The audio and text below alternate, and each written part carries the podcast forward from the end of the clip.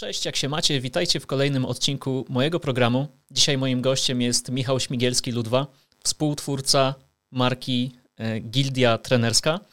E, Michał, jakbyś mógł powiedzieć parę słów o sobie? E, witam Maciek i witam wszystkich słuchaczy. Coś o sobie.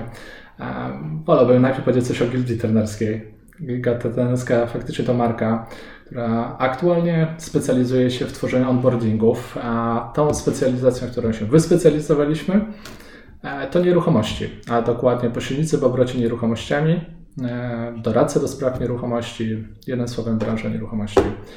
Jeśli chodzi o mnie, zadałeś pytanie, to dopowiem. E, ja uwielbiam rysować, tańczyć, jeździć na rowerze, a szkoleniowo-biznesowo zajmuję się tworzeniem procesów sprzedaży, tworzeniem procesów onboardingowych, no i też prowadzeniem, projektowaniem szkoleń, cyklów rozwojowych. Sporo tego jest.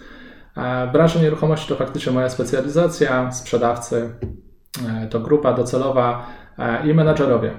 Menedżerowie zarządzający małymi i średnimi zespołami.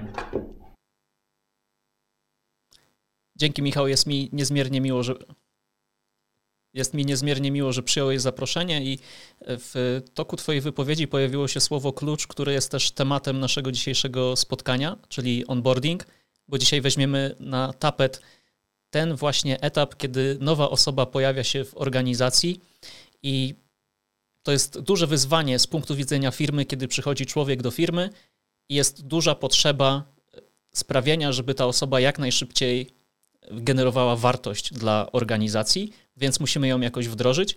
I kiedyś, ja jak się zajmowałem x lat temu onboardingiem i tym tematem, to chodziła taka anegdota po, y, dookoła mnie gdzieś w mojej bańce informacyjnej, że mm, są firmy, w których jak już jest onboarding, po prostu jest, to to znaczy, że to już jest bardzo daleko, e, bardzo dobry krok. Nieważne jaki jest ten onboarding, ważne, żeby był, bo w wielu organizacjach go w ogóle nie ma. I dzisiaj z chęcią z Tobą porozmawiam na ten temat, więc przechodząc do sedna, a w zasadzie zaczynając od podstaw, jakbyś mógł powiedzieć z Twojej perspektywy, czym jest onboarding?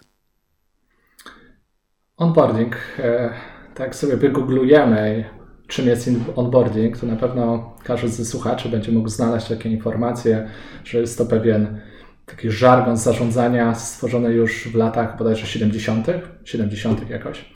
I faktycznie jest to taki proces, e, który się tworzy, którego celem jest aby dana osoba wchodząca do organizacji nabyła pewną wiedzę, pewne umiejętności, ale też pewne zachowania, które pozwolą w sumie na to, aby jak najszybciej zacząć pracować efektywnie.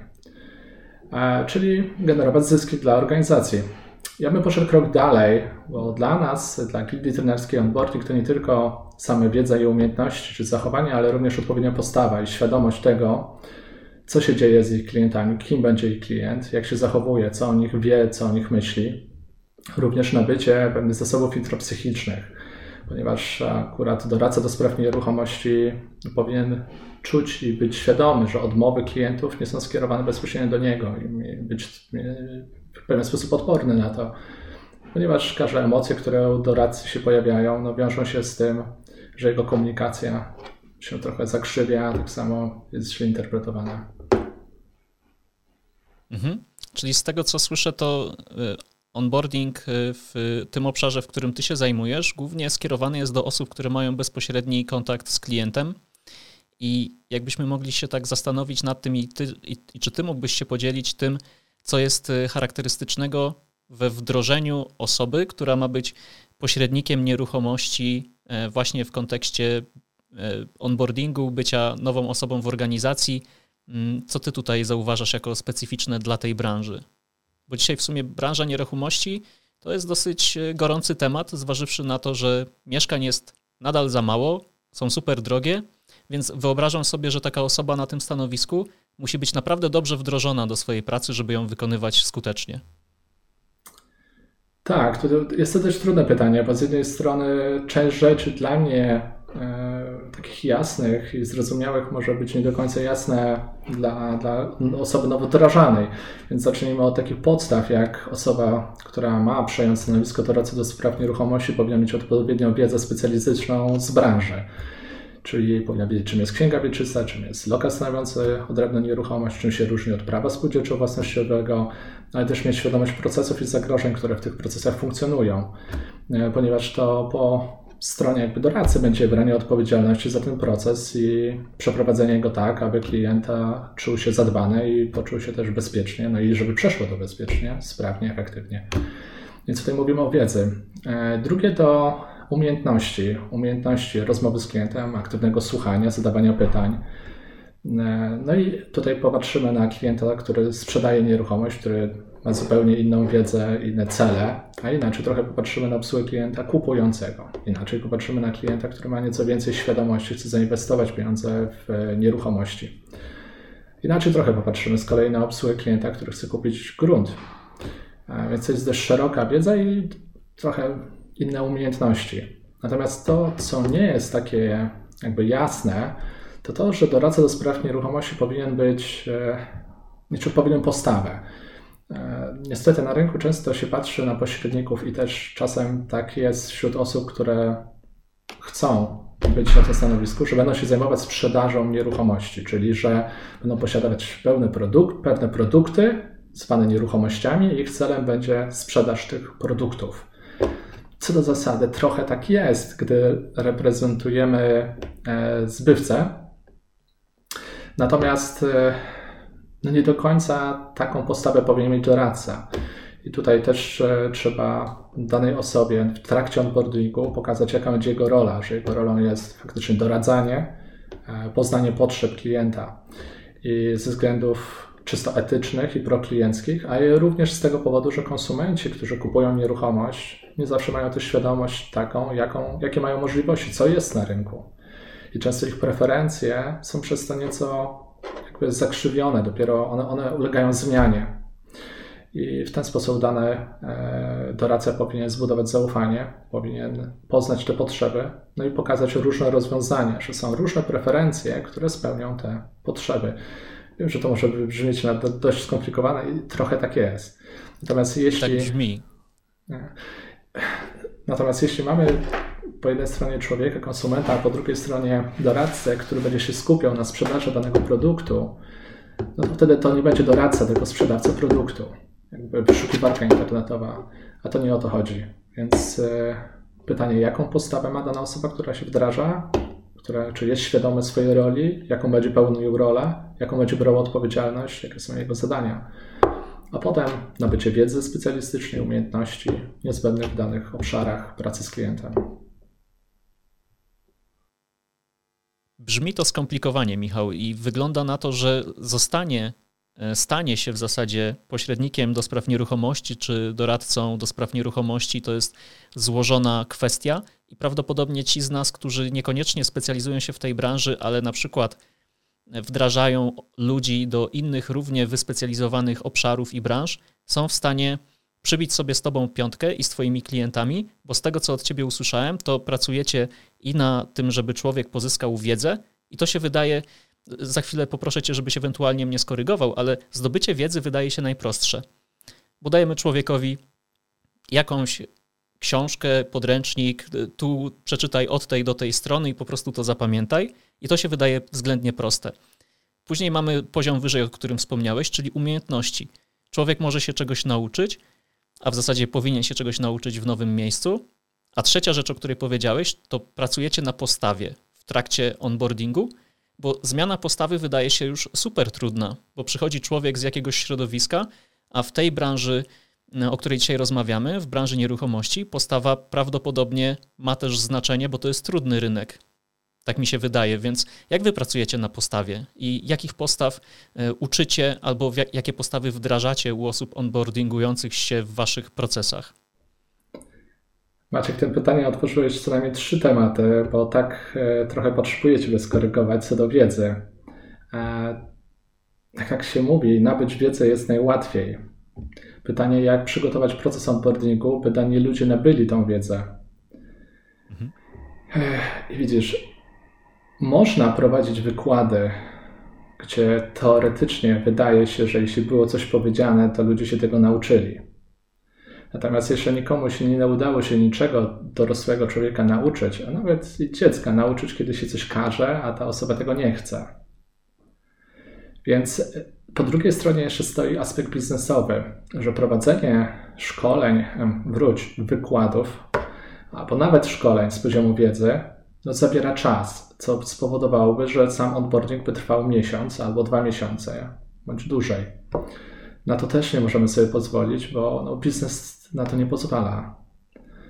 Więc tutaj przeniesienie tego aspektu wiedzy na e, uczestnika szkolenia faktycznie z naszej strony było strzałem w dziesiątkę. I jednocześnie trzeba było tak zaprojektować narzędzia, żeby ten człowiekowi, danej osobie, która, której celem jest nabycie wiedzy, no, uprościć te nauczenie się wiedzy, czy, znaczy dać możliwości, żeby to sprzyjało uczeniu się. E, I w ten sposób między innymi wpływam na postawę ponieważ e, w onboardingu, które mamy zaprojektowane, odpowiedzialnością za nauczenie się wiedzy, osobą odpowiedzialną za nauczenie się wiedzy jest e, uczestnik. I, I, to nie jest tak, że pierwszego dnia zaczynamy onboarding i wszyscy mówią, tak, jesteśmy odpowiedzialni i uczymy się. E, te poczucie odpowiedzialności jakby przychodzi. Czasami jest tak faktycznie, że ktoś już ma poczucie odpowiedzialności. Natomiast jeśli w poniedziałek zaczynamy, to widzę, że u niektórych to dopiero się pojawia we wtorek bądź w środę. A to dlatego, bo doświadczają sytuacji dla nich niekomfortowych, związanych z tym, że mieli się czegoś nauczyć, jednak się tego nie nauczyli. I ani ja, ani żaden interny trener prowadzący, no nie mówi, zobacz, zobacz, co teraz czujesz, widzisz, no właśnie, masz, masz to, co chciałeś, następnym razem się naucz. No nie, my po prostu mówimy, co robiliście do grupy? Co robiliście, żeby efektywnie się nauczyć? I każdy się tym dzieli. Potem wprowadzamy pewne zadanie, gdzie wymagana jest wiedza i ci, co mają tą wiedzę, to mówią, ci, co nie mają jej, nie mają. I ci ludzie sami powinni dojść do refleksji i wniosku, jak się czują, a jak się będą czuć z klientami. Między innymi tak wpływał na postawę, na postawę tego, że odpowiedzialność to znaczy ja sam odpowiadam za to, co się dzieje. Jeśli się nie nauczyłem, to nikt nie, nie bierze za to odpowiedzialności z trenerów prowadzących. Ten człowiek sam musi poczuć to i wziąć odpowiedzialność za to, że się tego nie nauczył. Nie? No, podobnie jest w przypadku e, obsługi klientów. Tak. Trochę odpowiadając przynajmniej pokrótce na to drugie pytanie.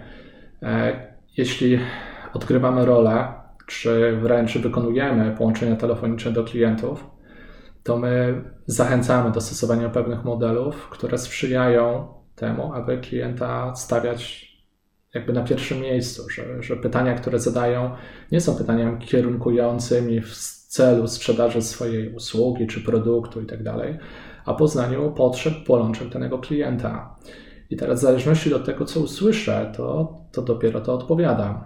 Jakby wyjście z tego, że to klient e, wie, co potrzebuje i, i, i co go boli, a nie ja.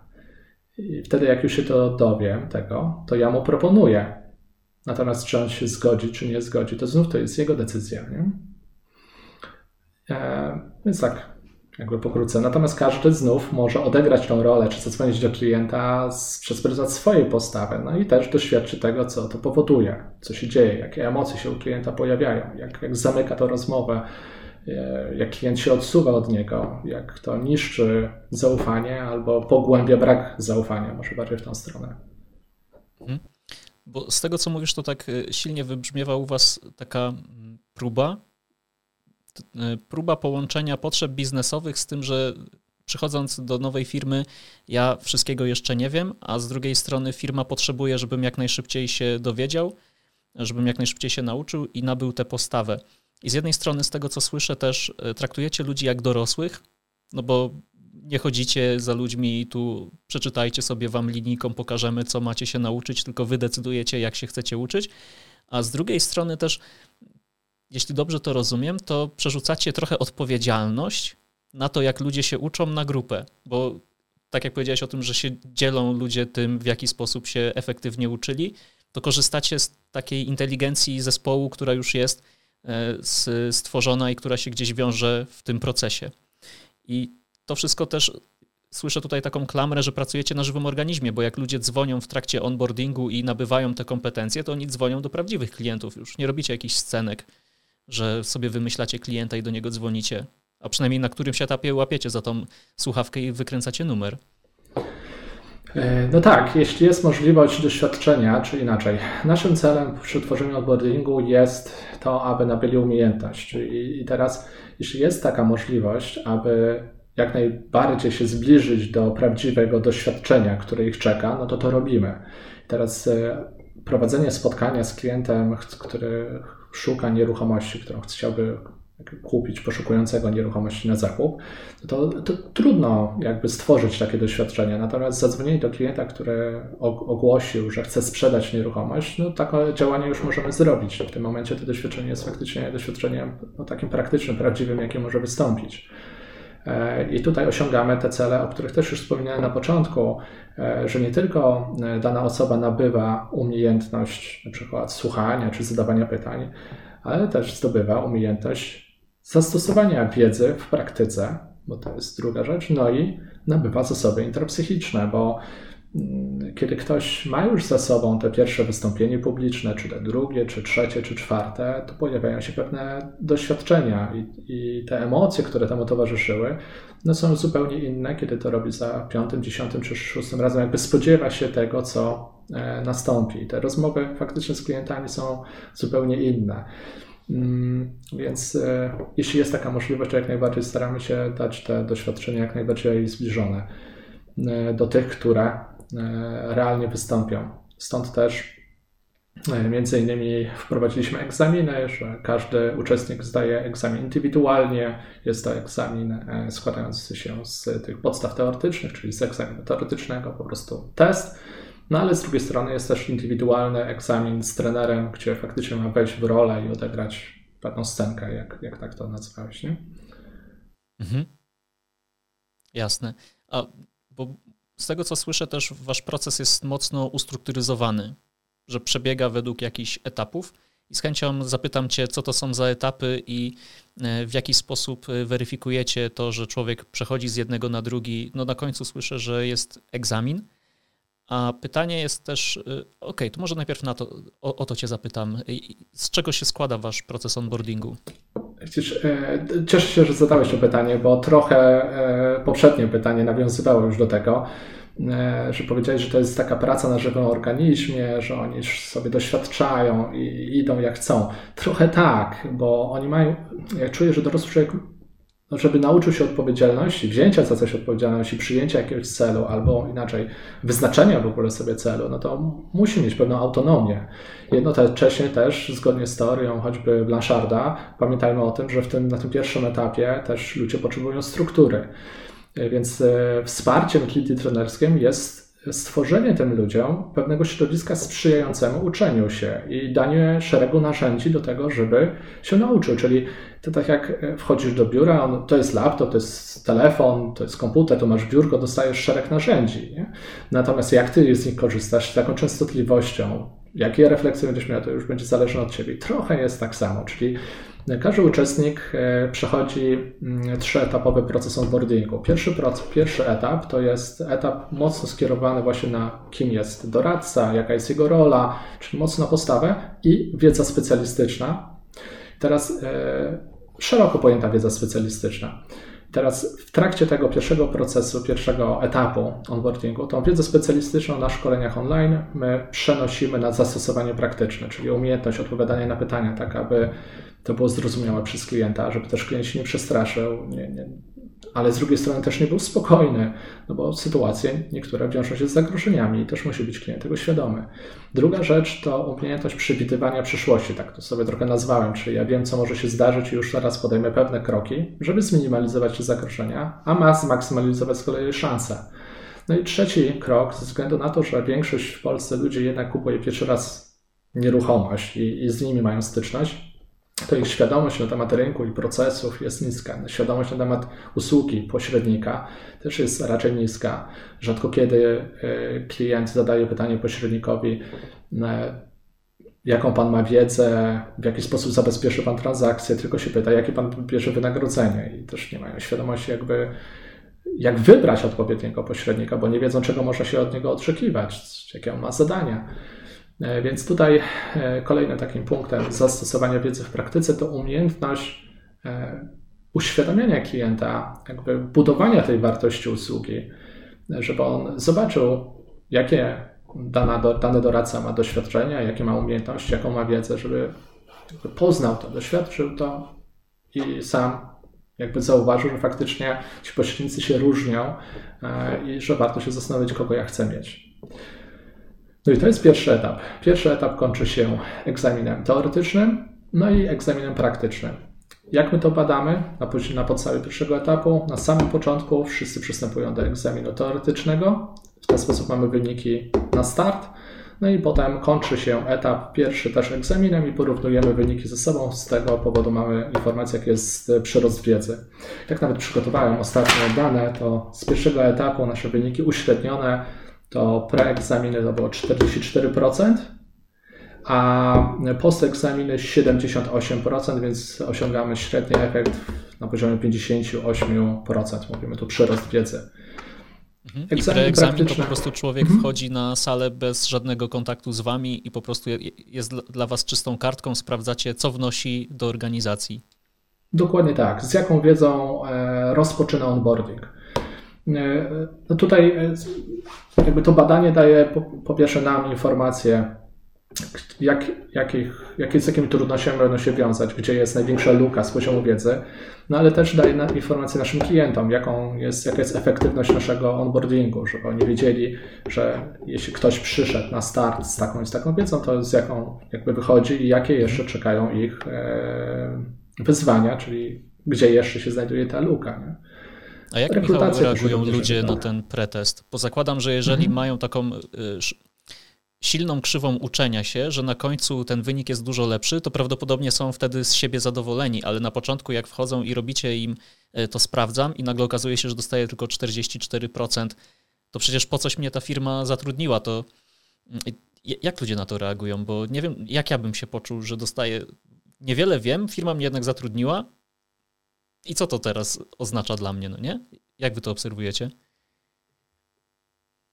No to jest rola trenera prowadzącego, żeby odpowiednio wprowadził uczestników e, do tego punktu, tak zwanego na samym początku w poniedziałek prowadzimy spotkanie online, gdzie między innymi pokazujemy, co ich czeka i na co budujemy poczucie bezpieczeństwa, no i też e, świadomość tego, za co będą brać odpowiedzialność, żeby oni mogli sobie to już zaplanować. Też dajemy ze swojej strony pewne podpowiedzi. Jeśli mówimy o e, tak zwanym preegzaminie, my to nazywamy diagnozą wiedzy i też tak to przedstawiamy, że teraz przystąpicie do zdiagnozowania własnej wiedzy, abyście wiedzieli w trakcie onboardingu, na co zwrócić szczególną uwagę, co czytać bardziej wnikliwie, na, na co przyłożyć większą uwagę. E, świadomość własnej wiedzy pozwala mi też wiedzieć, co mnie czeka, ale też pozwala mi się dowiedzieć i wręcz cieszyć się z tego, do czego przystępuję. Świadomość tego, po co jest ten onboarding, po co w ogóle tutaj jestem, co ja będę wiedział, co ja będę finalnie wiedział. Już teraz mogę się cieszyć z tego, jak ja będę mógł tą wiedzę finalnie za te 7 dni wykorzystać. Więc kwestia spojrzenia, kwestia e, postawy i znów kwestia tego, mm, no można popatrzeć na to na dwóch stronach. Jeśli chodzi o, Jasne, o nasze tak komunikaty. Mówisz, kwestia mhm. zakomunikowania tego, jak wy to komunikujecie i to, o czym powiedziałeś, tak. czyli budowanie tego bezpieczeństwa, super istotne. Mhm. Ludzie nie obawiają się jakoś, że to jest forma oceny. No, no właśnie. Są już zatrudnieni. Tak, tak. Właśnie cieszę się, że to mówisz. Dlatego też e, z menadżerami czy właścicielami firmy też kontraktujemy, jaki jest cel e, diagnozy wiedzy i na co my rekomendujemy, aby zwracać uwagę. E, podkreślamy, że te osoby, które są na sali, to są osoby, które już przyjęte zostały, przyjęte zostały do, do onboardingu. Na to, na co będą właściciele czy menadżerowie zwracać uwagę w poszczególnych firmach, to na to, jaki osiągną przyrost wiedzy. Czyli problemem nie jest to, że zdobyłem na samym początku wynik 10%. Problemem będzie to, jeśli na koniec zdobyłem 11% czyli że mam przyrost niewielki, bo to świadczy o mojej umiejętności, prędkości uczenia się, mojemu zaangażowaniu i jakie ja wziąłem odpowiedzialność.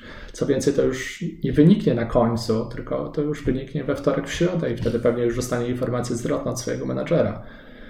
Ja, więc, to jest w ogóle więc... Y, unikatowe według mnie, co ty mówisz o tym procesie i o podejściu, które stosujecie, bo już wielokrotnie użyłeś słowa odpowiedzialność w kontekście osoby, która wchodzi w proces onboardingu. A do tej pory ludzie zazwyczaj mieli takie myślenie, że przychodzę do firmy, no i teraz firmo, e, wdróż mnie e, w swoje działania, no nie? Zróbcie coś, żebym ja się jak najszybciej nauczył, a wy macie trochę, in, trochę inne podejście, tak o 100, może nie o 180, ale w kontrze do tego, co zazwyczaj się myśli. Maciek, widzisz, bo problem, duże, olbrzymie wyzwanie, ale to w każdej firmie, w korporacjach, które funkcjonują, jest ten proces poszkoleniowy, czyli tak zwane wdrożenie. I teraz jaki ja mam wpływ na to, że ktoś się nauczył pewnych umiejętności, pewnej wiedzy i teraz ją wdroży i będzie ją stosował i będzie ją wykorzystywał i, i ta, wiesz, świadoma kompetencja, ta świadoma umiejętność, która wymaga ode mnie takiego skupienia i takiego bólu, to ja będę dalej odczuwał ten ból i to skupienie i będę go wdrażał z pełną energią, dlatego, że menadżer będzie mi kazał, dlatego, że będzie, będę miał odsłuchy. Robi się odsłuchy, można to wszystko robić, natomiast całe clue tkwi w tej motywacji wewnętrznej danej osoby. Jeśli ja w czasie onboardingu usłyszałem, czym jest dożywocie, czym jest służebność osobista i z jakimi konsekwencjami wiąże się to dla mojego klienta, który, no może, który mi płaci no, duże pieniądze za to, jakby poczucie mojej odpowiedzialności za to, więc ja mówię, no to ja się cieszę, że teraz to wiem. I to jest ta moja wartość dla tego drugiego człowieka, więc ja to zapamiętam, ja chcę o tym pamiętać i chcę o tym mówić, bo właśnie za to mi ludzie płacą. Za to, że, panie, e, e, proszę pana, za to właśnie, że pan kupując na przykład, nie wiem, udział, no nie będzie mógł tego kupić posiłkując się kredytem hipotecznym, więc możemy obejrzeć, natomiast to będzie strata pana czasu.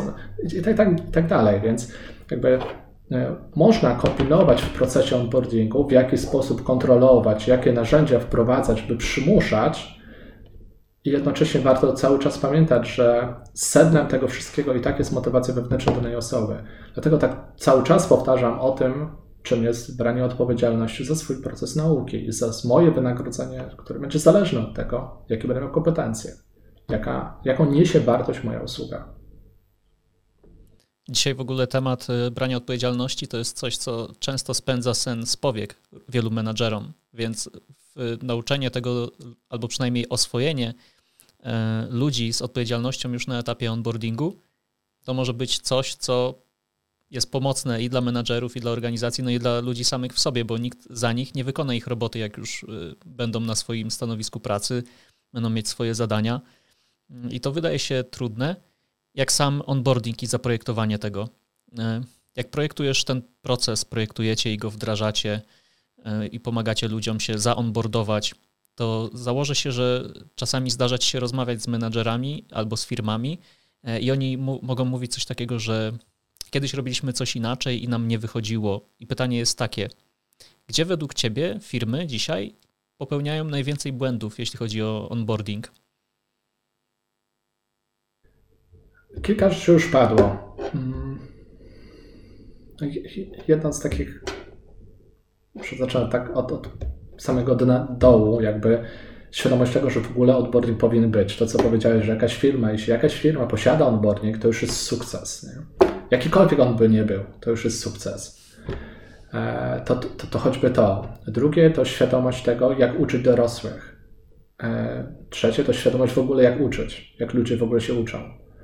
Czy żeby ktoś się czegoś nauczył, no to musi wziąć to, co już znów padnie, odpowiedzialność za to. Trzecie, że dać materiały i powiedzieć naucz się, no i on będzie brał za to odpowiedzialność. Nawet załóżmy, że ten człowiek chce się tego nauczyć i będzie brał za to odpowiedzialność. Wewnętrznie czuje odpowiedzialność za to. Tylko teraz pytanie, jak, w jaki sposób go wspieramy? Czy danie, nie wiem, tam 300 stron tekstu, który jest ciężki, męczący, który obciąża mózg, czy to jest dobra decyzja? Pamiętajmy też o aspekcie biznesowym, czy zależy nam, żeby ten onboarding trwał krótko i efektywnie. Więc e, powinniśmy zaprojektować materiały, które mm, aktywują różne części mózgu. Czyli z jednej strony firmy, praca na platformie, z trzeciej strony materiał do przeczytania, z czwartej strony podsumowanie, zwracanie uwagi na najważniejsze treści, odniesienie tego do po co jest ta wiedza. No bo jeśli ja bym, e, e, Maciek kazał Ci się nauczyć, czym jest e, na przykład nie, osobista, dożywocie, prawo spółdzielczo-własnościowe i tam masz definicję, no to powiedzmy, no możesz mi zaufać, że trzeba się tego nauczyć, ale zupełnie inaczej będzie się czuł, kiedy ja przedstawię Ci sytuację z życia Twoich przyszłych, powiedzmy, współpracowników, którym się zdarzyły, gdzie klienci nie wiedzieli, co zrobić, zadawali pytania i właśnie zadawali pytania odniesienie do tej wiedzy, albo wskażę Ci konsekwencje wynikające z tego, kiedy czegoś się, tego, czegoś się nie wie. I tak, więc e, z jednej strony tak, e, przynosimy odpowiedzialność, a z drugiej strony te materiały powinny być dostosowane. Więc to też jest taki częsty błąd, czyli daje ktoś 300 stron, czy tam 100 stron, naucz się tego, albo słuchaj, i teraz oglądam film i przez 4 godziny słucham film za filmem, film za filmem, no to przeciąży, to, to mózg po prostu się przeciąży. Ile można oglądać filmów? Jaki jest efekt zapamiętywania? Drugie, rozwiązuj zadania. No to na tej platformie klika takie zadanie, klika te zadanie. Już nie mówię o tym, jak oczy się męczą. Dlatego część materiałów my drukujemy dla, e, są drukowane, czyli ten wademekum, to co jest do przeczytania, to koniecznie jest, żeby to było wydrukowane, bo inaczej inną ilość tekstu jestem w stanie przeczytać przy wydrukowanym materiale, inną ilość tekstu przy ekranie. Jeśli chodzi o zadania, część zadań wypełniane na platformie, część zadań wypełniane są znów długopisem pisemnie. Inaczej mózg funkcjonuje, kiedy ja coś piszę i się zastanawiam, jednocześnie patrzę i szukam odpowiedzi. Jakby też e, dajemy wskazówki, jak się uczyć, żeby przeczytać tekst, nie myśląc o tym, czy ja to pamiętam, czy nie pamiętam, czy zapamiętam, tylko czytać po prostu dany tekst i tam w Wademekum pokazane są w odpowiednich momentach, kiedy mam jakie zadanie wykonać, czy pisemne długopisem, czy na platformie. Też są stworzone cały czas, są tak zwane testy, takie pretesty i posttesty, że przy każdym dziale ja mogę zobaczyć, co mnie czeka, co ja już wiem z tego działu, a jak na końcu, żeby też był przypływ dopaminy, jakie efekty osiągnąłem, żebym sam mógł sobie dużo robicie, Z tego jest Dużo robicie takich checkpointów, gdzie weryfikujecie wiedzę, nie? Z tego tak to brzmi. W sensie względnie dużo, bo ja jak sobie przypomnę mm, onboardingi, no w firmach IT to zazwyczaj polega na tym, że opowiada ci się jak pracujemy, jaka jest nasza kultura, jak korzystamy z narzędzi e, i w zasadzie przyjmuje się takie założenie, że człowiek już powinien wszystko wiedzieć albo jakoś w praniu w praniu się nauczy. A z tego, co ty mówisz, to pretesty, posttesty, pretesty, posttesty. Sporo tego jest. Ale rozumiem, że to ma jakiś sens. Tak, oczywiście, że ma sens. Jeśli chodzi o posttesty, pretesty, przy każdym dziale, przy każdym jakby temacie, który dana osoba ma przerobić, no daje po pierwsze tej osobie świadomość, z czym zaczyna, a z czym kończy, czyli zobaczę efekt, więc jest sens i nauczyłem się, mam wyższy wynik. Też jest y, punktem kontrolnym dla menedżera, dla właściciela, czy dla gildy trenerskiej, kiedy piszemy raporty dla, dla właścicieli, żeby zobaczyli, na jakim, jaki jest e, aktywność danej osoby, czyli jaki jest poziom zaangażowania, możemy to, to zobaczyć e, i czy wymaga jakiejś pewnej interwencji. Pamiętajmy o tym, że z jednej strony no jest ta odpowiedzialność, natomiast też ten proces nie może trwać. Czyli jeśli ktoś no, z jakiegoś powodu nie przejmuje tej odpowiedzialności, no to pytanie już jest do właściciela, czy dalej chce ponosić koszty związane z tym, czy będzie się żegnał z daną osobą, bo ta osoba mówiła, że weźmie odpowiedzialność, a jednak drugi dzień, trzeci dzień i tego nie ma. Więc tutaj też e, chcemy dać swoim klientom taką możliwość podjęcia takiego no, trudnej decyzji biznesowej, a czasem koniecznej. A Maciek, odpowiadając na pytanie, bo czuję, że nie odpowiedziałem, mówiłeś o błędach jeszcze, to tak, jedno to dawanie za dużo materiału, drugie to w ogóle nie ma onboardingu, trzecie to wrzucanie na głęboką wodę, czyli tu jest telefon, tu jest komputer, dzwoń do zbywców, twoje jest, masz umówić spotkania i niestety to też przynosi pewien efekt, ale kiedy e, ta, ten poziom zaangażowania, motywacji zaczyna spadać, to jest naturalne, dana osoba nie ma wiedzy, nie ma umiejętności i dochodzi do, e, do odejścia z pracy najczęściej. E, kolejne rzeczy w większych organizacjach, przyniesienie całego procesu onboardingu na menadżera. E, tutaj masz slajdy, twoim zadaniem jest poprowadzić tam 10 wykładów i ci wszyscy ludzie siedzą, machają głowami przed tym menadżerem, ten menadżer cieknie mu, już, już jest cały zmęczony, no bo on kończy spotkanie, wiesz, czterogodzinne z tą grupą szkoleniową, no i co robi? No, wraca maile, raporty, ma jeszcze całą grupę sprzedażową ze sobą. No i teraz z jednej strony ma ich nauczyć nowych, świeżaków, a tutaj są ludzie, którzy mają mu przynieść zyski, ma, ma też cele biznesowe do zrealizowania. Więc ci menadżerowie są po prostu wykańczani, bo tam po 8-9 godzin muszą po prostu pracować i, i tak miesiąc w miesiąc i wtedy dochodzi do rotacji z kolei menadżerów. Już nie mówię o efektywności szkolenia. No, albo jest się menadżerem, albo jest się trenerem i teraz można od menadżera wymagać, że będzie menadżerem, trenerem i, i mentorem, coachem, wszystkim. No tylko pytanie, czy, czy to jest dobra droga, nie? żeby kogoś tak y, eksploatować wtedy. Nie? Tak, bo to jest mega wyzwanie, bo jeżeli mamy kogoś wdrożyć do pracy, to musimy odłożyć na chwilę nasze obowiązki i nasze zadania. A i tak musimy je w pewnym momencie wykonać, więc albo zrobimy je później i to będzie mieć jakieś reperkusje, albo będziemy pracować więcej. No, dokładnie. I też jak o tym mówisz, to przypominają mi się moje onboardingi, jak kiedyś zdarzało mi się pracować w dużych instytucjach finansowych, gdzie sadzano mnie na jeden, dwa dni przed komputerem i było x e-learningów do wyklikania. I w pewnym momencie to się zrobiło takie sprytne, w cudzysłowie, że program liczył, jak długo y, klikasz po danym narzędziu i musiałeś y, dany e-learning zrobić w przynajmniej jedną godzinę. Jak wyklikałeś to w 15 minut, to program wiedział, że trochę oszukujesz, bo idziesz za szybko, czyli nie czytasz, nie przyswajasz. A po takim jednym dniu siedzenia przed komputerem, to ja pamiętam, że no, byłem niczym chodzące zwłoki. Nie wiedziałem nawet czego się nauczyłem. Potem i tak musiałem ludzi e, dookoła pytać, e, co my tak naprawdę robimy. No to jeszcze nie, naj, nie najgorsze rzeczy się nauczyłeś, bo niestety zwróć uwagę, co jest celem, bo tak, wprowadzenie dużo systemów e, takich kontrolnych i przymuszających daną osobę, no jak cel jest szczytny. Tylko co się wykształca w człowieku? Czuje, że go naciskają, kontrolują, wymuszają, więc się pojawia kontrumiejętność. Jak sobie radzić z tego, że ktoś mnie tam dociska i wymusza? Mój mózg mówi mi, poradź sobie z tym, bo ktoś cię ciśnie i szuka się rozwiązań. I wtedy taki programiści pewnie pojawiają się e, tacy, takie osoby, które stworzą jakiś mini program, który sam porusza myszką, klika w odpowiednich momentach, żeby po prostu przez to e, przejść. I, no, i, no właśnie, znów wracamy do tego, że rolą nie jest ja to bardzo rozumiem, żeby dać kontrolę. Powinno być, ten proces powinien być kontrolowany i ten menadżer w pewnym momencie powinien, powinien mieć informacje na temat danego e, uczestnika i zainterweniować, a czasem po prostu pożegnać się z daną osobą. E, natomiast to nie może być tak, że kontrola 99%, bo ta osoba nie nauczy się brania odpowiedzialności, nauczy się myślenia analitycznego, wnioskowania, podejmowania decyzji, trudnych decyzji sam z sobą, musi sobie poradzić z tym. E, musi chcieć po prostu, nie nauczy się chcieć wręcz. Nie, nie ma okazji na to, żeby zadać sobie pytanie, czy ja to chcę, bo nikt mu tego pytania, nikt nie dał mu możliwości chcieć, to jak on może chcieć? Jak wszyscy mu każą. Dokładnie, no jesteśmy tak skonstruowani, że motywuje nas y, albo ucieczka przed czymś, bo to jest dla nas niekomfortowe, albo że chcemy coś mieć, e, bo to jest dla nas właśnie komfortowe i do tego dążymy.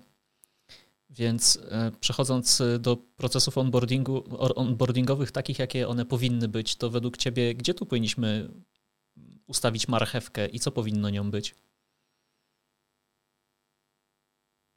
Dla każdego co innego jest motywatorem, więc e, myślę, że e, rozwiązaniem jest zadawanie odpowiednich pytań e, daną osobom.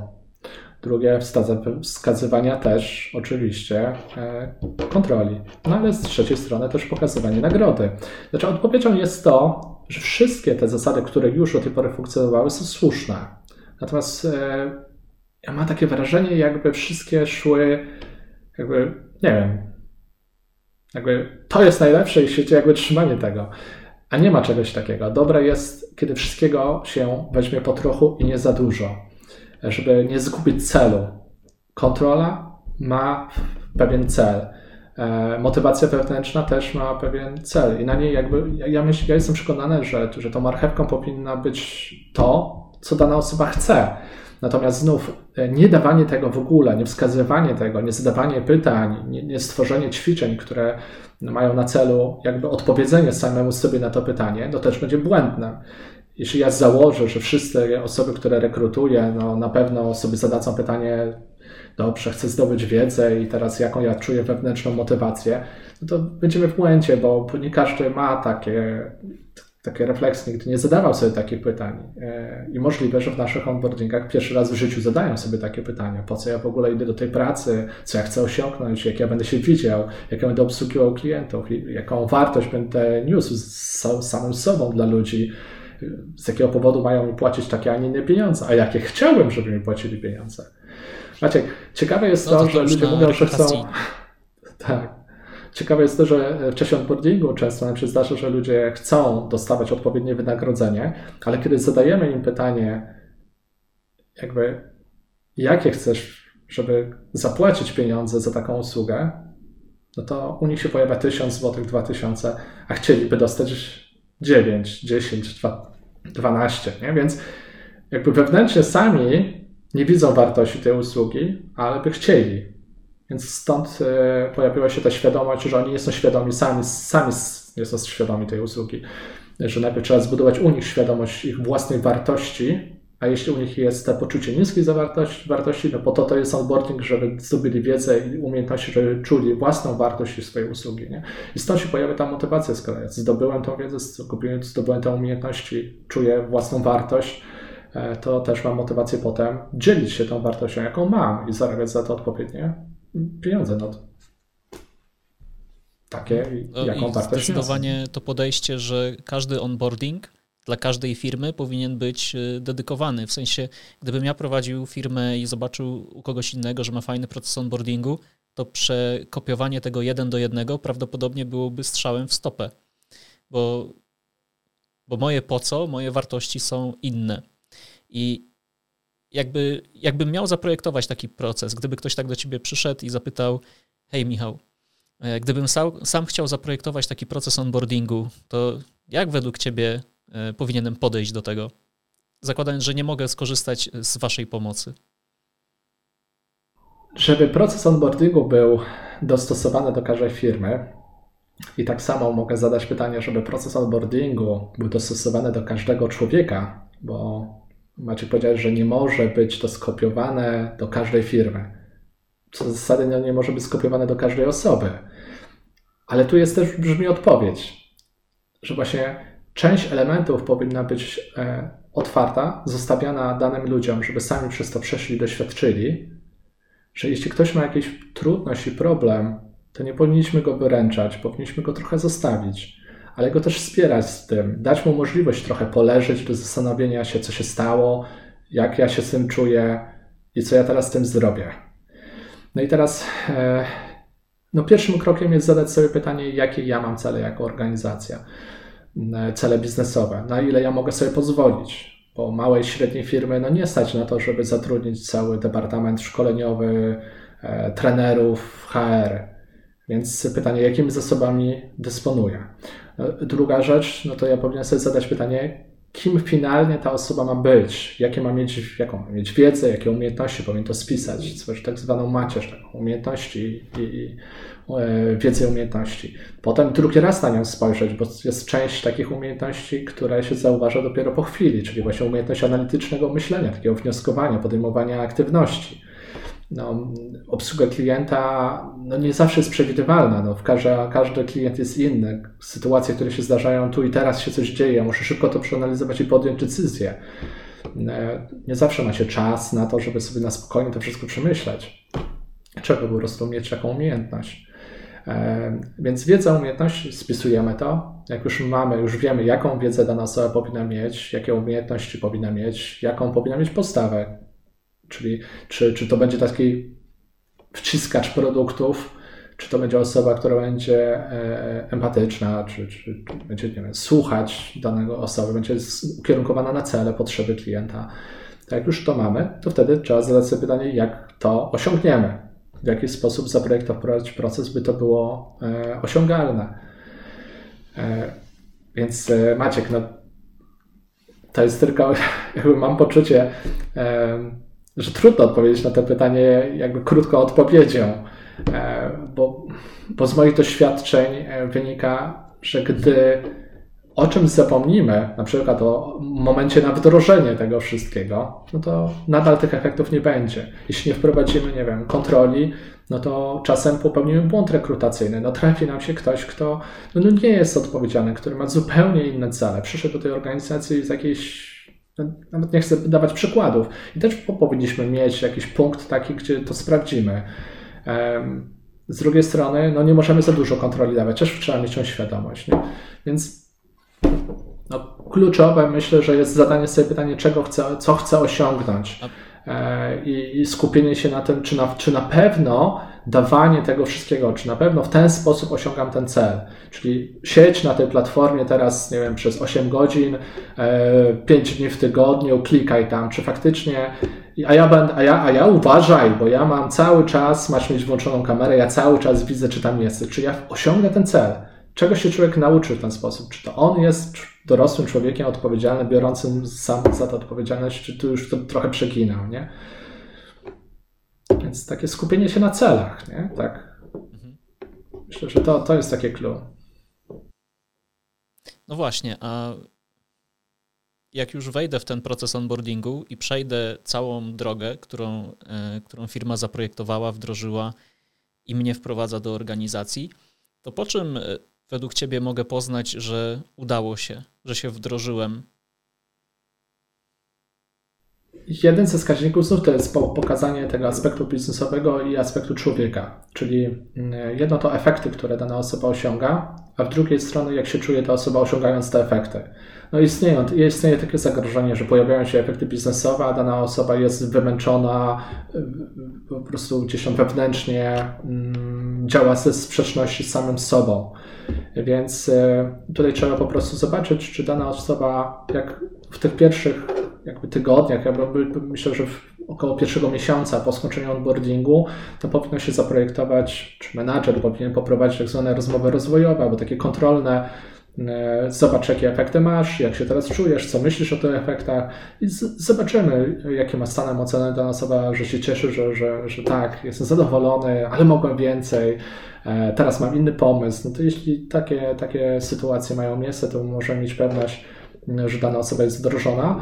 Oczywiście e, potem przychodzi moment spadku, spadku e, tego poziomu motywacji, tego zaangażowania, tej siły wewnętrznej, co jest naturalnym efektem i wtedy znów powinna się pojawić taka rozmowa.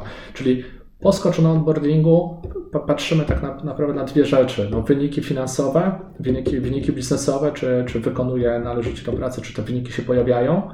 E, no a drugie stan tej osoby, czyli nastawienie, e, czy jakie emocje się ujawniają, e, czy, czy on dostrzega te wyniki, czy jest zadowolony z tych wyników, jak się czuje w organizacji, bo czasem też e, inne osoby mają wpływ na daną osobę.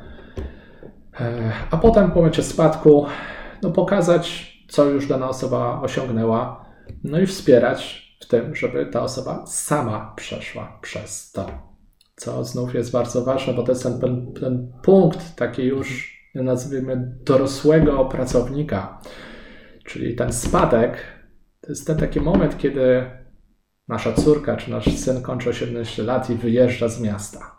Wtedy jest ten taki moment też spadku motywacji, takiej czy to wszystko, co teraz zdobyłem, to wszystkie te pierwsze sukcesy, czy one teraz, te doświadczenia, które miałem, że było trudno, ale udało mi się, czy teraz mnie podniosą. No i bycie wsparciem w tym, czyli zwrócenie uwagi, zadawaniem pytań i sprawdzeniem, czy sobie poradzi z tym. Jak przejdzie ten punkt, to. Czyli w, zas czyli w zasadzie po onboardingu to nie jest tak, że mówimy, teraz już możesz opuścić gniazdo i lecisz dalej sam czy sama, tylko organizacja cały czas trzyma rękę na pulsie, ale nie na zasadzie, że kontroluje, czy siedzisz przy komputerze. W ogóle ostatnio słyszałem taką historię, e, podobno z jakiejś warszawskiej korporacji, gdzie zamontowano ludziom czujniki temperatury przy laptopach, żeby sprawdzać, czy siedzą przy laptopach w trakcie pracy. I rozumiem, że to nie o to chodzi. Po to jest onboardingu, żeby ludzi nauczyć brania odpowiedzialności za e, cele, które sobie wyznaczają, bądź wyznacza im organizacja, a bądź jedno i drugie. Najlepiej jedno i drugie. E, bo to, że organizacja wyznacza cele, to jest naturalne, no i, ale no, oczywiście dana osoba też powinna mieć wyznaczone cele, czyli jak kończy się onboarding, e, powinniśmy sobie wyznaczyć cele, ustalić pewne zasady, z czego będziemy rozliczani, co, co ja chcę, jakiej, do czego ja będę dążył. E, no i pamiętać o tym, że po to był proces onboardingu właśnie, żeby ta osoba teraz brała za to odpowiedzialność. No już się nauczył, już raz, już inaczej, już w pierwszym etapie, w drugim etapie, w trzecim etapie onboardingu miał wyznaczone cele, wyznaczył sam sobie cele, już wie czym jest odpowiedzialność, więc powinniśmy teraz pozostawić tę osobę e, dalej z tym, masz kolejne cele. Właśnie po to, po to to było. E, natomiast w czasie onboardingu były punkty kontrolne. I tak tutaj też powinny być punkty kontrolne. No i tutaj się z kolei już uśmiecha normalna rola menadżera. No menadżer, rolą menadżera jest wyznaczanie celów, organizowanie pracy, kontrolowanie, prowadzenie rozmów rozwojowych. Powinien poprowadzić taką rozmowę, gdzie dana osoba sama sobie wyznaczy kolejne cele z poziomu wiedzy i umiejętności. No jeśli mamy wynik egzaminu na poziomie 80%, no to łatwo zobaczyć, gdzie mam lukę z poziomu wiedzy. To jest idealne, żeby wyznaczyć sobie cel z poziomu wiedzy. W jaki sposób to, Michał, osiągniesz? No ja wtedy mówię, a to mam pomysł, żeby jeszcze raz przejść przez, tą, przez te zadania, przeczytać sobie ten bademek, rozwiązać jeszcze raz te ćwiczenia i to nabyć. Czyli e, jeśli mówimy o onboardingu, onboarding się kończy i tutaj jest koniec procesu onboardingu. I my dajemy szereg e, twardych danych dla menadżerów, którzy będą mogli od tej pory ten proces jakby rozpocząć swój proces, czyli proces zarządzania zespołem, e, czyli przejęcia tego, tej osoby i już brania odpowiedzialności od strony menedżerskiej. To już nie jest onboarding, to jest rola menedżera. Tutaj trzeba być świadomym, że onboarding się kończy. E, czyli dostaje powiedzmy takie Michał Śmigielski-Ludwa informację, że Paweł, czy Norbert, czy ktokolwiek inny zdał egzamin na takim poziomie, z poziomu wiedzy na takim, z poziomu umiejętności na takim, umiejętność nabył na 80%, w takich i w takich e, płaszczyznach to było badane, takie i takie były zadania. E, I tak samo w drugim etapie, tak samo w trzecim. Więc widzę, że na przykład tam Paweł ma trudności z zadawaniem pytań, nie wie czym jest księga wieczysta, albo nie wie jakie dokumenty należy skompletować do umowy przedstępnej. Więc mam świadomość, gdzie ma luki, Oczywiście mam świadomość, że to on jest odpowiedzialny już człowiekiem, więc zadaję najpierw pytanie Pawłowi. Paweł, jakie sobie wyznaczasz cele z poziomu wiedzy na podstawie tych danych, jakie z poziomu umiejętności? Już rozmawiamy o zupełnie czymś innym, Maciek, więc czuję, że to już nie jest onboarding. Tak, tak, e, tak, bo za zacząłem się właśnie nad tym zastanawiać, bo z tego co słyszę, to człowiek wychodzi z całą ścieżką kompetencyjną, którą powinien gdzieś tam przejść już e, w, na stanowisku pracy. I na przykład zdobyć kompetencje zadawania pytań, czy nie wiem, dopasowywania ofert pod e, oczekiwania, czy wymagania, czy potrzeby nie. klientów. E on to, on to zdobywa na onboardingu. Natomiast pamiętajmy, że szkolenie, czy, czy proces rozwojowy, czy proces szkoleniowy, on dąży do tego, że dany uczestnik, dana osoba zdobywa kompetencje na poziomie świadomym. No i teraz, żeby ta kompetencja na poziomie świadomym przeszła na kompetencje na poziomie nieświadomym, no to musi być dalej praktykowana, bo dojdzie do regresji tej umiejętności. Więc każdy menadżer czy właściciel dostaje informację, że powiedzmy ten Michał czy Paweł zdobył umiejętność, opanował umiejętność na poziomie powiedzmy 70 czy 80% na poziomie świadomym. No i teraz menadżer powinien wiedzieć, że no, proces jakby nauki czy przenoszenia tego na, na grunt praktyki, na opanowanie tego na poziomie nieświadomym, no jest dalszym procesem. Nie? Ja myślę, że to jest bardzo Więc, wartościowe z punktu widzenia menadżera, że wiem, czego nie wiedzą moi ludzie i w jakich obszarach będą potrzebować wsparcia. Mhm. I jednocześnie pamiętając tak, o tym, że robicie tak. to w atmosferze bezpieczeństwa i tego, że e, człowiek jest już mhm. zatrudniony w organizacji i onboarding ma mu pomóc się jak najszybciej w niej odnaleźć, to ja jako ten człowiek wiem, że, tak mi się wydaje, wiem, że mój menedżer pomoże mi na przykład popracować nad tą kompetencją zadawania pytań klientom. Na przykład, a, o to miałeś myśleć, tak. No jeśli luka była w przypadku na przykład zadawania pytań tam w rozmowie telefonicznej, no to wiem, że jak ta osoba będzie prowadziła rozmowy telefoniczne, to one nie będą miały już aż takiej efektywności. Tak, bo Więc wiesz, warto, wiesz jak jest. Zazwyczaj jak się kończy onboarding, to się wychodzi z założeniem, że ten człowiek jest już gotowy na wszystko. Tak, tak mi się wydaje, że często ludzie mają takie niestety założenie. Może tak być. Nie, też może tak być. Natomiast też, e, no właśnie, to jest fajnie i dobrze to, to powiedziałeś, bo przysunąłeś mi i dałeś mi pewną myśl. Pamiętajmy też, że jedno to jest organizacja, drugie to są uczestnicy, ale pytanie też o realia tego, jak wygląda aktualnie świat. Pamiętajmy, e, jaka jest konkurencja na rynku pracy. Więc też, e, kiedy prowadzimy rekrutację, możemy chcieć daną osobę, która już posiada takie umiejętności, taką wiedzę i tak dalej, tylko no, realnie trudno taką osobę znaleźć, więc czasem jest tak, że przyjmuje kogo, z jakimi umiejętnościami, z jaką wiedzą. No, nie ma żadnej wiedzy, nie ma żadnej umiejętności. No to czego, co jest kluczowe? W moim przekonaniu kluczowe jest to prędkość uczenia się, czyli czy jak szybko uczę się, jaką ja mam umiejętność uczenia się, a drugie no to odpowiedzialność, właśnie to, że ja chcę, że ja wewnętrznie sam biorę odpowiedzialność i chcę to zrobić. To są te dwie rzeczy, które ja bym zbadał e, w czasie rekrutacji. Stąd też stworzyliśmy coś takiego jak etap zero. Nie po to, żeby zbadać, jaką ma wiedzę, bo tam są egzaminy. I oczywiście dana osoba będzie chciała, będzie mogła myśleć, że chodzi o najlepszy wynik egzaminu, a to nie chodzi o to. Chodzi o to, jaką jest prędkość uczenia się, czyli jeśli ktoś na start kogoś zrekrutowałem i ktoś miał na start, nie wiem, 5%, a na koniec onboardingu zdobył 65%, to można powiedzieć, no niski wynik. No ale szybko się nauczył. Miał 5%, teraz ma 65%. No to pomyśl tak, że jak dalej będzie tak szybko się uczył, no to w przeciągu tam dwóch tygodni będzie miał zaraz 100%, nie? Więc to jest cenny pracownik, bo, bo dużo w tym dał zaangażowania, wiedział czym jest odpowiedzialność, wziął się za to, no i szybko się nauczył. Więc jeśli ma taką umiejętność, to jest Dokładnie. super. I tutaj kwestia tego, czy wolimy zatrudnić kogoś, kto już dużo umie, ale ma postawę, która mówi, że mu się nie chce, czy mało umie, a ma postawę, że chce mi się nauczyć i później to wykorzystać w praktyce.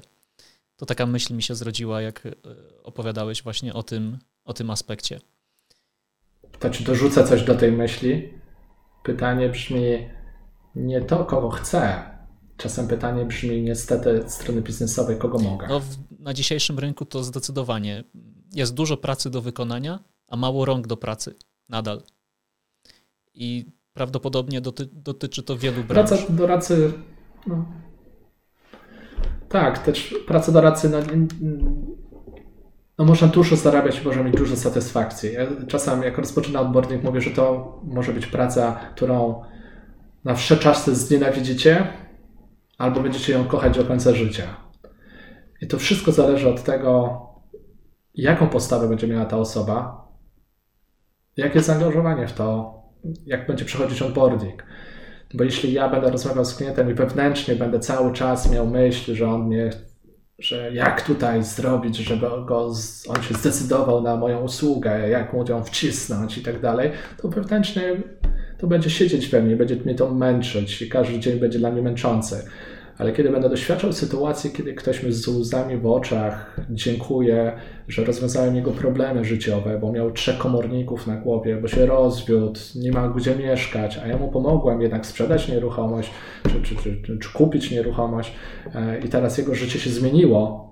I to, to, to są te rzeczy, które można doświadczyć w takiej pracy, że czujemy, że uratowaliśmy komuś życie. No to, to dosłownie. E, przynajmniej ja takie rzeczy doświadczałem i to powodowało, że, że dla, dla mnie praca doradcy do spraw nieruchomości może być, e, no przynosić, przynosić dużo dobrego dla ludzi i też dla mnie, bo może być bardzo satysfakcjonująca, można ją naprawdę pokochać. Kiedyś piękne słowa też usłyszałem od jednej e, przyjaciółki, zadałem e, pytanie, znaczy ona mi powiedziała, jak, jak, klienci się mnie pytają, co ja robię, to ja mówię, staram się spełniać, pomagam spełniać marzenia. Nie? I trochę też tak jest, że, że człowiek coś marzy i e, o czymś marzy, nie wie jak to zrealizować, a, my, a doradca w tym pomaga. No, szczególnie, że to rynek wydaje mi się trudny. W sensie i do pozyskania pracownika, i do pozyskania klienta, i wykonywania swoich obowiązków, bo też bardzo zmienne środowisko i ciągle wchodzą jakieś nowe regulacje, rzeczywistość się zmienia, tak jak powiedziałeś, ciągle jest coś. Michał, ponieważ musimy powoli dobiegać do końca, to chciałem Ci podziękować za dwie rzeczy. Pierwsza jest taka, że wielkie dzięki za świetną rozmowę, bardzo inspirującą i mnie poszerzającą bardzo perspektywę na e, rzeczywistość, w jakiej pracują pośrednicy nieruchomości, ale też w jaki sposób można podchodzić do projektowania procesu onboardingowego. I właśnie ta druga rzecz, za którą chcę Ci podziękować, bo wcześniej nie myślałem o tym w kontekście, że jak ludzie przychodzą do organizacji, to warto e, zaproponować im, bo Wy w swojej filozofii, tak to rozumiem, proponujecie to, e, jesteś dorosły czy dorosła, weź odpowiedzialność za swoją pracę, za swoje wdrożenie i Ty decydujesz, jak chcesz. Wcześniej podchodziłem do onboardingu na zasadzie, że no przychodzą ludzie do firmy i firma staje na głowie, żeby przygotować jak najlepszy proces, taki, który zaspokoi e, wszystkie potrzeby, a wy trochę przenosicie e, środek ciężkości też na człowieka, co w sumie jest bardzo fajne z takiej, z takiej przyczyny, że traktujemy ludzi wtedy w 100% jak dorosłych, a ludzie chcą być traktowani jak osoby dorosłe, bo wtedy czują, że jest jakaś symetria, że mamy partnerstwo i że jesteśmy być może we właściwym miejscu, bo firma nas traktuje jak osoby dorosłe, a nie na zasadzie tu was teraz będziemy kontrolować i zamontujemy w waszych laptopach czujniki temperatury. Mam nadzieję, że to była tylko jakaś urban legenda tak zwana, to co, to co usłyszałem o tych laptopach. E, I chciałbym cię zapytać na końcu, e, z jaką myślą lub e, z jakimi wnioskami chciałbyś zostawić naszych słuchaczy? Coś od ciebie na koniec, tak domykając. Myślę, że równowaga we wszystkim jest bardzo ważna. Że pośród tych wszystkich narzędzi, które daje aktualnie świat, warto wybrać wszystkiego po trochu, a nie rezygnować ze czegoś, bo coś nowego się pojawiło. Tutaj, jak mamy mm, świat e-learningu, bardzo pomocne narzędzie i potrafi, potrafi przyspieszyć naprawdę wiele procesów. Jednocześnie książki nadal są bardzo pomocne powinniśmy mieć je przy sobie. E, więc łączenie kilku aspektów ze sobą, myślę, że ta równowaga jest bardzo ważna. No i to, że człowiek, mm, e, człowiek sam potrafi wziąć odpowiedzialność za swoje życie, za swoją pracę, za to, co uczy się, czy się uczy, jak się nauczy, co go motywuje. E, to, co z naszej strony powinniśmy mu dać, to tak stworzyć ten proces, czy takie narzędzia mu stworzyć, żeby mu to ułatwiło, żeby mógł sobie to przeanalizować i podjąć tę decyzję. I oczywiście my, jako menedżerowie czy właściciele, sobie zadajemy pytanie, z kim chcę pracować. Czy osoba, która jest odpowiedzialna, czy nie jest odpowiedzialna, albo ile czasu potrzebuje, żeby być odpowiedzialną osobą. Niektórzy potrzebują na to więcej czasu niż tydzień, dwa, miesiąc, rok. Więc wtedy trzeba czasem podjąć trudną decyzję. Nie? Więc jeden słowo we wszystkich aspektach czuję, że ważna jest ta równowaga. E, równowaga pomiędzy kontekstem biznesowym, a relacjami, emocjami, uczuciami. Pomiędzy kontrolą a autonomią. Pomiędzy światem wirtualnym a światem stacjonarnym. Pomiędzy papierem, który trzymam w ręce, a pomiędzy klikaniem i, i rozliczaniem z celu choćby. No, wszędzie powinno być równowaga. Mhm. Myślę, że to, to z tym chciałbym pozostawić e, słuchaczy. I z tą właśnie myślą zostawiamy Was na dzisiaj. Michał, dzięki raz jeszcze za e, przyjęcie zaproszenia. Was zapraszam na stronę Gildii Trenerskiej. Będziecie mieć e, namiar na Michała i na Gildię w opisie do tego materiału. I co, trzymajcie się i widzimy się, słyszymy się w kolejnych rozmowach. Do zobaczenia.